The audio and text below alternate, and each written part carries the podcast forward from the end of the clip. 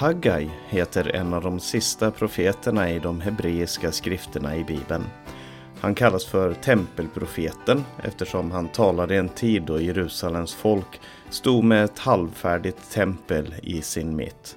Men den här profeten från 500-talet före Kristus har något centralt att säga om just Kristus. Det ska vi tala om idag då vi ska ge några nycklar till profeten Haggai. Jag heter Paulus Eliasson och du lyssnar på Radio Maranata.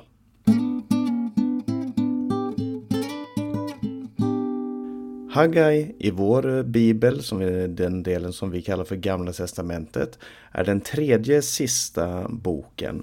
Eh, det är en av de kortaste böckerna i hela bibeln och den näst kortaste boken i Gamla Testamentet. Det är bara två kapitel, men det är fyra budskap och den har en eh, ett väldigt speciellt, eh, upp, en väldigt speciell uppsättning, den här boken.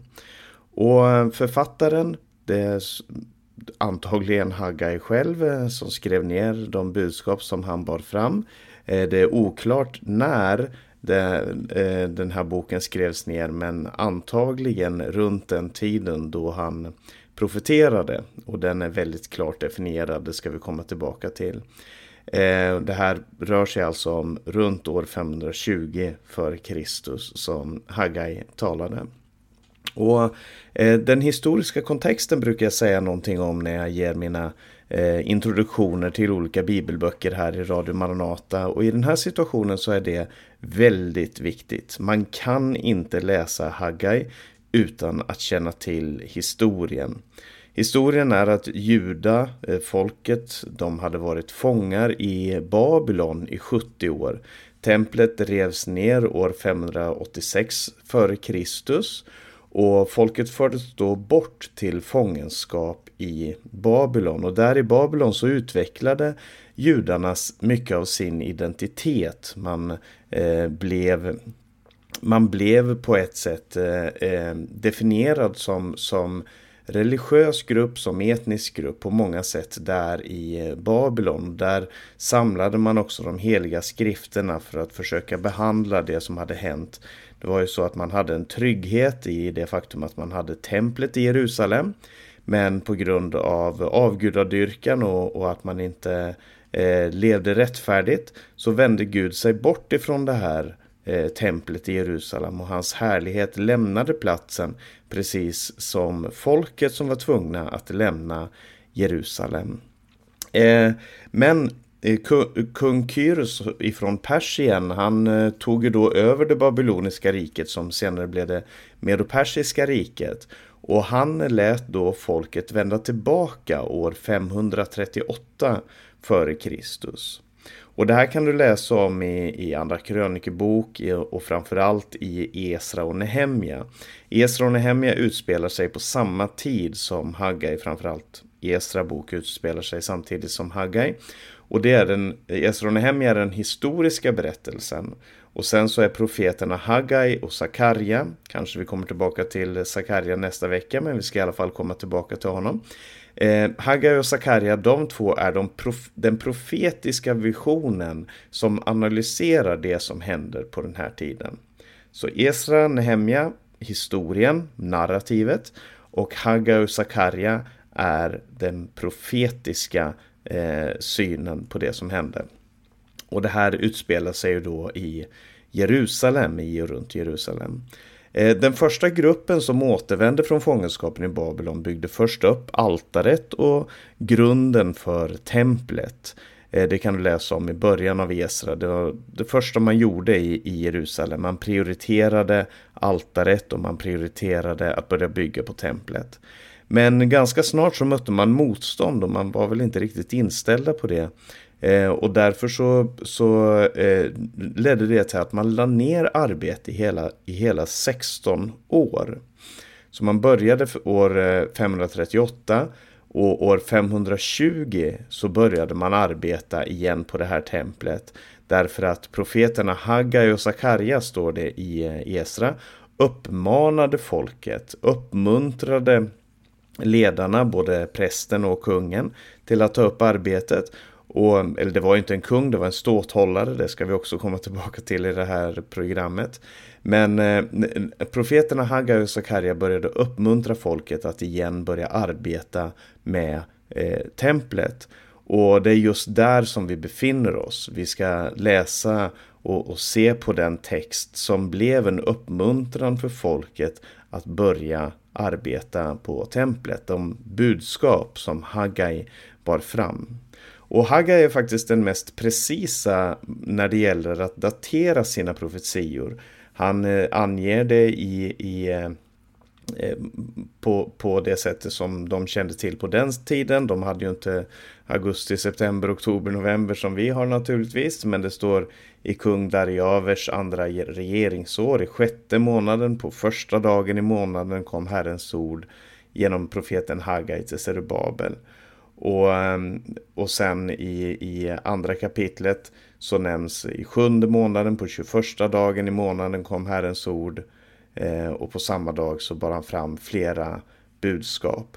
Eh, det, ja, och sen står det på 24 dagen i nionde månaden. Och om man räknar ut de här eh, utifrån, man vet ju när, när då Darjavers var eh, kung, så kan man räkna ut att det här var mellan Eh, 29 augusti och 18 december, det vi hade kallat för höstvintern, år 520 f.Kr. Så det går faktiskt väldigt bra att datera precis när de här profetiorna skedde. Eh, tematiken i det här brevet nämnde jag lite, brev, det är inte ett brev, det är en bok, en profetia. Eh, och, och eh, tematiken i den här eh, boken, den eh, nämnde jag här i början, det handlar väldigt mycket om Guds tempel och Guds plan att fylla hela jorden med sin härlighet. Och det är fyra budskap som Haggai bär fram. Det första budskapet är budskapet om att en uppmaning att komma och bygga på templet. Det är egentligen hela kapitel 1 handlar om det. Eh, det andra budskapet är en varning för att förakta eh, det nya templet som man hade byggt upp och eh, eh tal om hur Guds härlighet skulle fylla templet. Det tredje handlar om eh, orenhet och helighet och varför Gud inte kan välsigna eh, ett folk som lever i orenhet. Och det fjärde budskapet handlar om Serubabel som var ståthållare. Och de här sakerna, de här fyra delarna i profeten Haggai ska vi komma in på nu.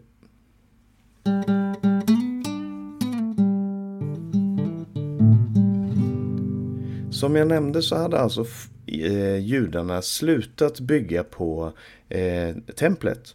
Eh, de hade kommit till en slags konsensus och det står här att detta folk säger tiden har inte kommit än, tiden att bygga upp Herrens hus. Man eh, hade kommit till en slags konklusion att nej, nej, Eh, vi, vi mötte motstånd. Vi hade tänkt att vi skulle bygga det här templet. Vi byggde altaret, vi la grunden. Men det hände saker som gjorde att vi nu har konstaterat att det här var nog inte Guds vilja, det här var inte Guds plan. Eller det är i alla fall inte vår plan. Tiden har inte kommit än, det är inte tid för det nu. Vi, vi har annat som vi måste prioritera, vi har annat på schemat. Och ehm, hur hade man kommit till den här konklusionen? Ja, antagligen så var det en ursäkt för att slippa engagera sig och slippa ta tag i det som kunde skapa motstånd och som kunde eh, skapa problem för eh, folket. Men det Herren svarar då, det som ordet som kommer från Haggai är ganska anklagande där han säger så här. Är det då tid för er själva att bo i panelklädda hus medan detta hus ligger i ruiner? Eh, och, och frågan handlar ju om prioritering. Alltså för dem så var det helt naturligt att ja, men, vi måste ju ha någonstans att bo. Vi måste ju ha ett hus. Jag måste ta hand om min familj. Jag måste se till att min familj har det bra, att vi har det bra. Eh, och medan då man inte hade samma nitälskan, samma, samma eh, engagemang och, och vilja för Herrens hus. Det var, nej, det, tiden har inte kommit för det. Vi måste låta det vila. Det har varit motstånd, det har varit svårigheter. Eh, men eh, Herren säger att det, det finns en eh, det som har blivit resultatet av det här är att man har förlorat en välsignelse. Gud säger att välsignelsen är borta därför att hans hus ligger i ruiner. Folk kämpar och strävar för att överleva medan Guds hus ligger i ruiner och det gör att de, de lägger pengarna i en, eh, som man säger här, lägger pengarna eh, i en börs som har hål. Ni klär er men blir inte varma, ni är den som får lön har hål i börsen. Ni dricker men blir inte glada, ni äter men blir inte mätta. Ni sår mycket men skördar lite. Det finns ingen Guds välsignelse över det arbete som man gör. Och det som blir resultatet av den här profetian det är det som man skulle önska blir resultatet av varje Guds tilltal, nämligen att eh, alla de som eh, hörde Herrens röst, de lyssnade också och tog det till sig och folket fruktade Herren, står det. Eh, sista delen i kapitel 1 det är folkets reaktion och det står prästen och kungen eller ståtthållaren lyssnade och folket lydde.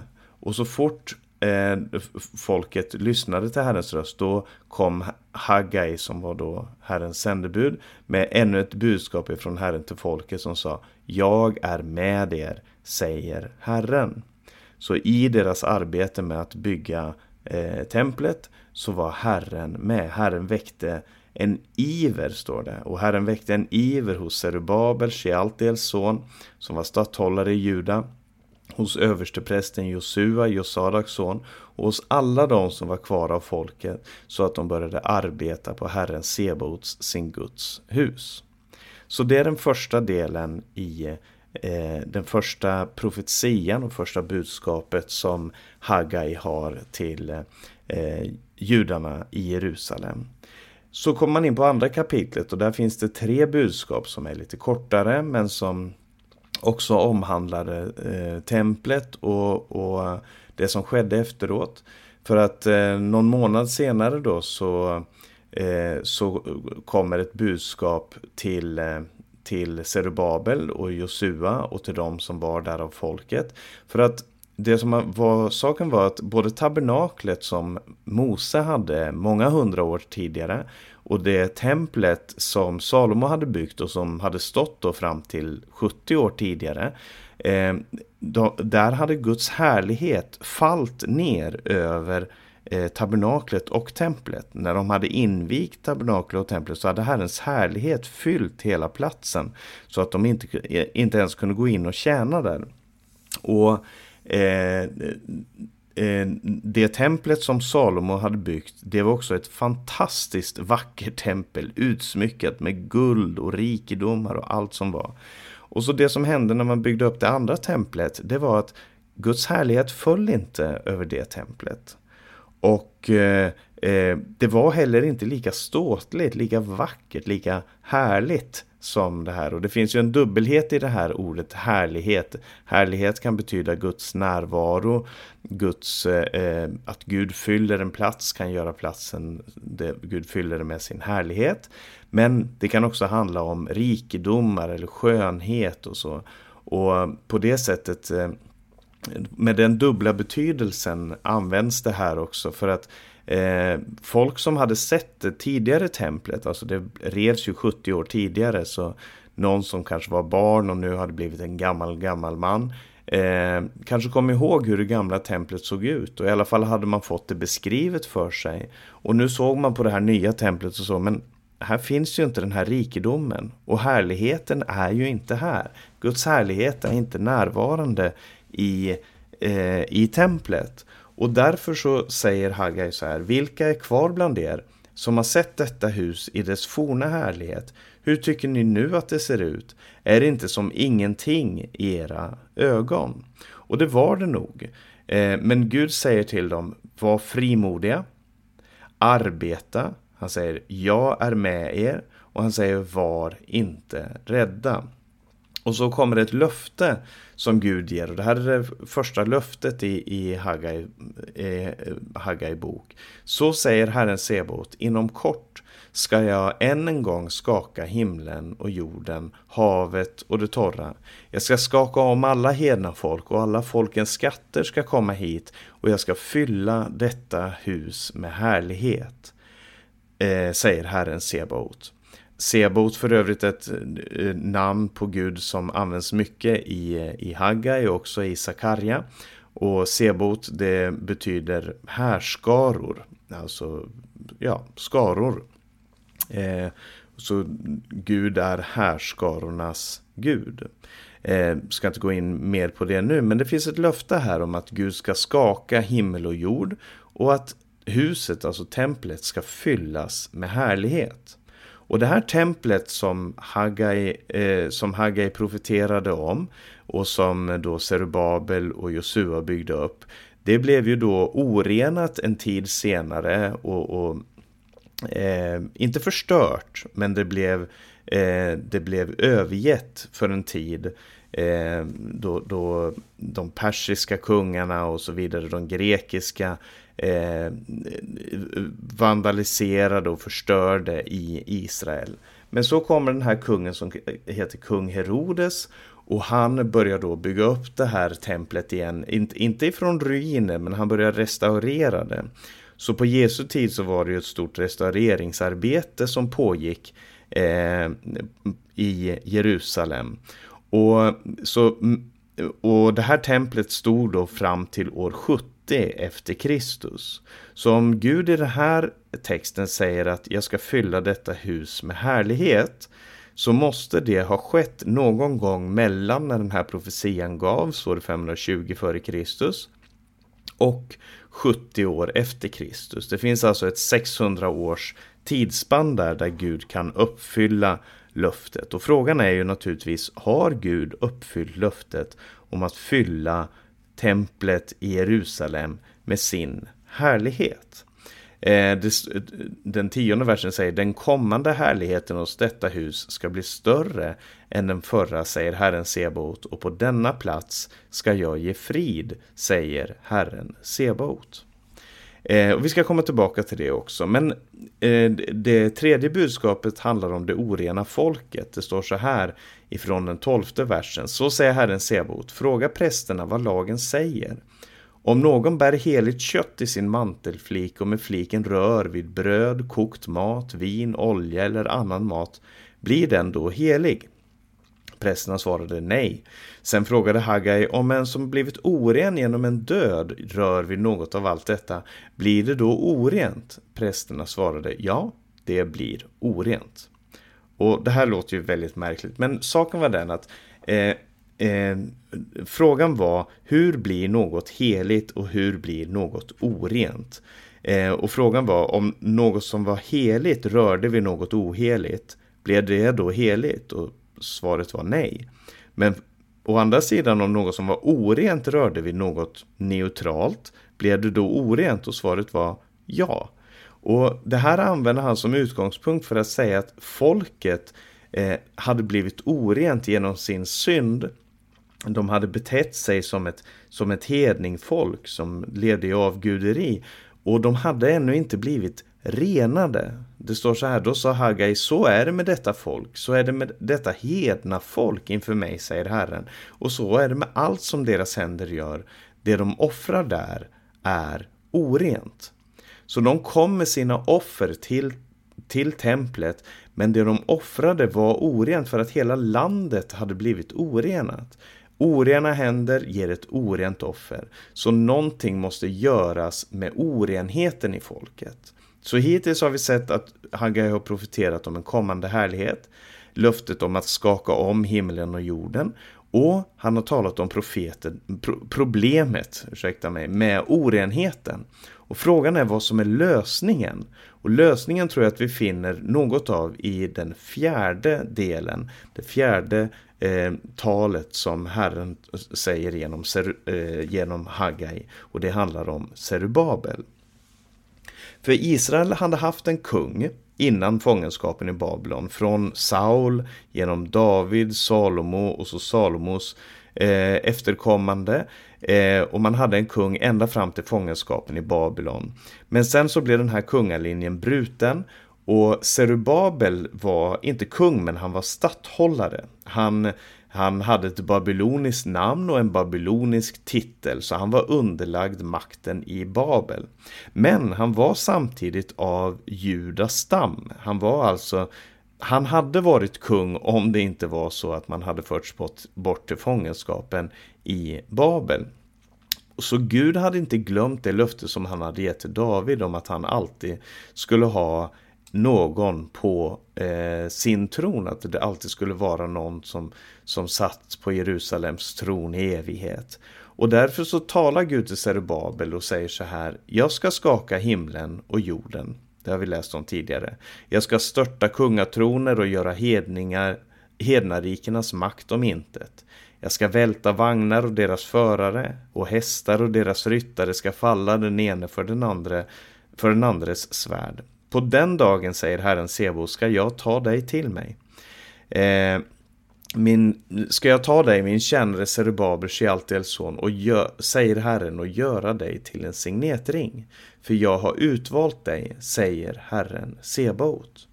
Så Gud har en plan om att skaka om världen och detronisera de makter som regerar. Eh, och han säger på den dagen, och det, på den dagen det är ett väldigt typiskt eskatologiskt uttryck bland profeterna. Det är ett sådant uttryck som pekar fram mot en tid som ska komma. Och Zerubabel han var förkastad, han var ingen kung och han var maktlös. Han var en ståthållare men han hade andra över sig. Men Gud kallade honom både för tjänare, han kallade honom för en signetring och han kallade honom för en utvald. Jag har utvalt dig.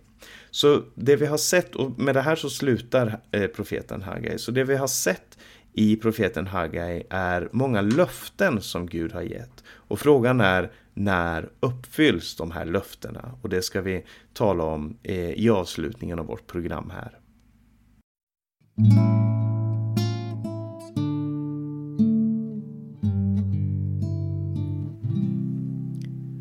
Om man går till Nya Testamentet så ser man att eh, Zerubabel har en väldigt tydlig plats i Jesus släkttavla i Matteus evangelium. Jesus var ju också av judastam och han var i nedstigande led ifrån kung David och genom också Zerubabel kommer vi fram till Jesus. Han nämns i början av Matteus evangelium.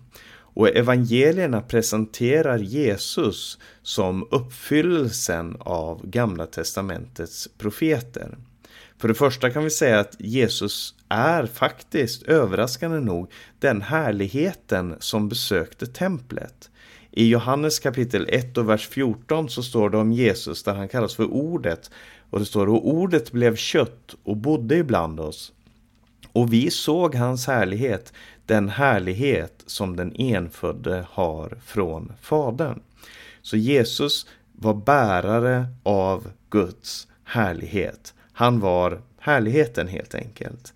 Eh, men sen i kapitel 2 i, i eh, Johannes evangelium så står det att Jesus besöker templet. Och där i templet så ser han hur de har eh, förvridit den här gudstjänsten som det skulle vara och gjort tempelplatsen till en, eh, eh, en handelsplats. Och den här berömda berättelsen om där Jesus röjer i templet och folk kommer och säger vad, vad har du för makt, vad har du för rättighet att, att göra någonting sånt där. Eh, och det folk inte insåg då var att det var faktiskt Guds härlighet som besökte sitt tempel.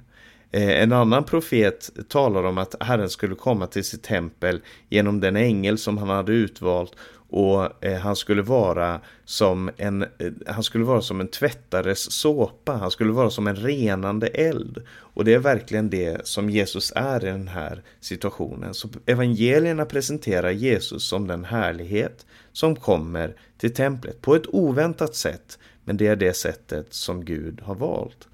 Eh, Jesus är också den som kommer hela världen att skaka. Då Jesus dog på Golgata kors så står det att jorden skakade och klipporna rämnade i Matteus 27.51. Men det är inte hela sanningen utan när, när Jesus får upp till himmelen så sände han den heliga ande till jorden och den heliga ande verkar genom de som eh, har gett sitt liv till Jesus, de som är troende. Och bland annat aposteln Paulus, om honom står det eh, när han kom till, eh, till eh, Aten så står det att folk, staden hamnade i uppror och de började bråka och skrek Nu är de här också, de som, som har vänt upp och ner på hela världen och jag som har tagit emot dem, de gör tvärt emot kejsarens påbud allihop och säger att en annan är kung, en som heter Jesus.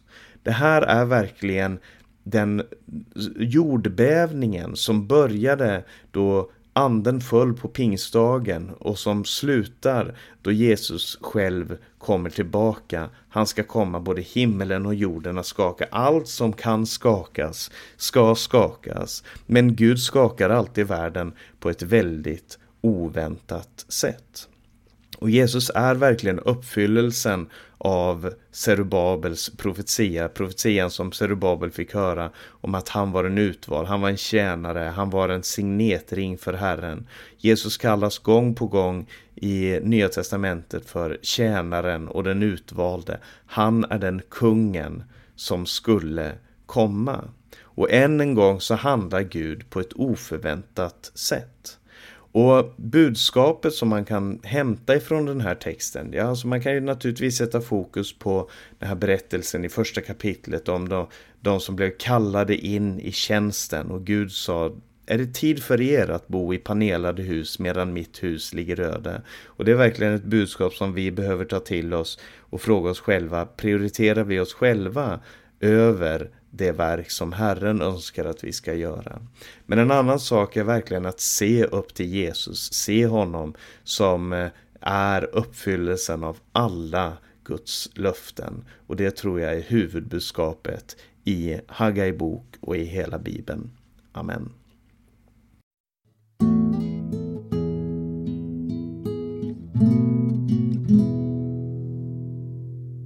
Vi ska alldeles strax lyssna på sången Hans namn är mycket större. Med det jag antar är från det jag hör på inspelningen är Jonathan Asprussen och Magdalena Lindros som sjunger. Men först så ska jag ge lite information om Maranatas podcast. För du har lyssnat på en podcast ifrån eh, Radio Maranata med mig Paulus Eliasson. Det här programmet har också sänds över Stockholms och Örebro närradio. Sprid gärna de här programmen till andra också om du finner dem intressanta. Om du har några frågor eller kommentarer omkring programmet så kan du skicka en e-post till info maranata.se eller ringa 070-201 60 20. På hemsidan maranata.se kan du höra programmen, läsa tidningen Minasropet och se Radio Maranatas övriga sändningstider. Sprid Guds välsignelse till alla du möter och vi hörs igen om en vecka. Hans namn är mycket större än alla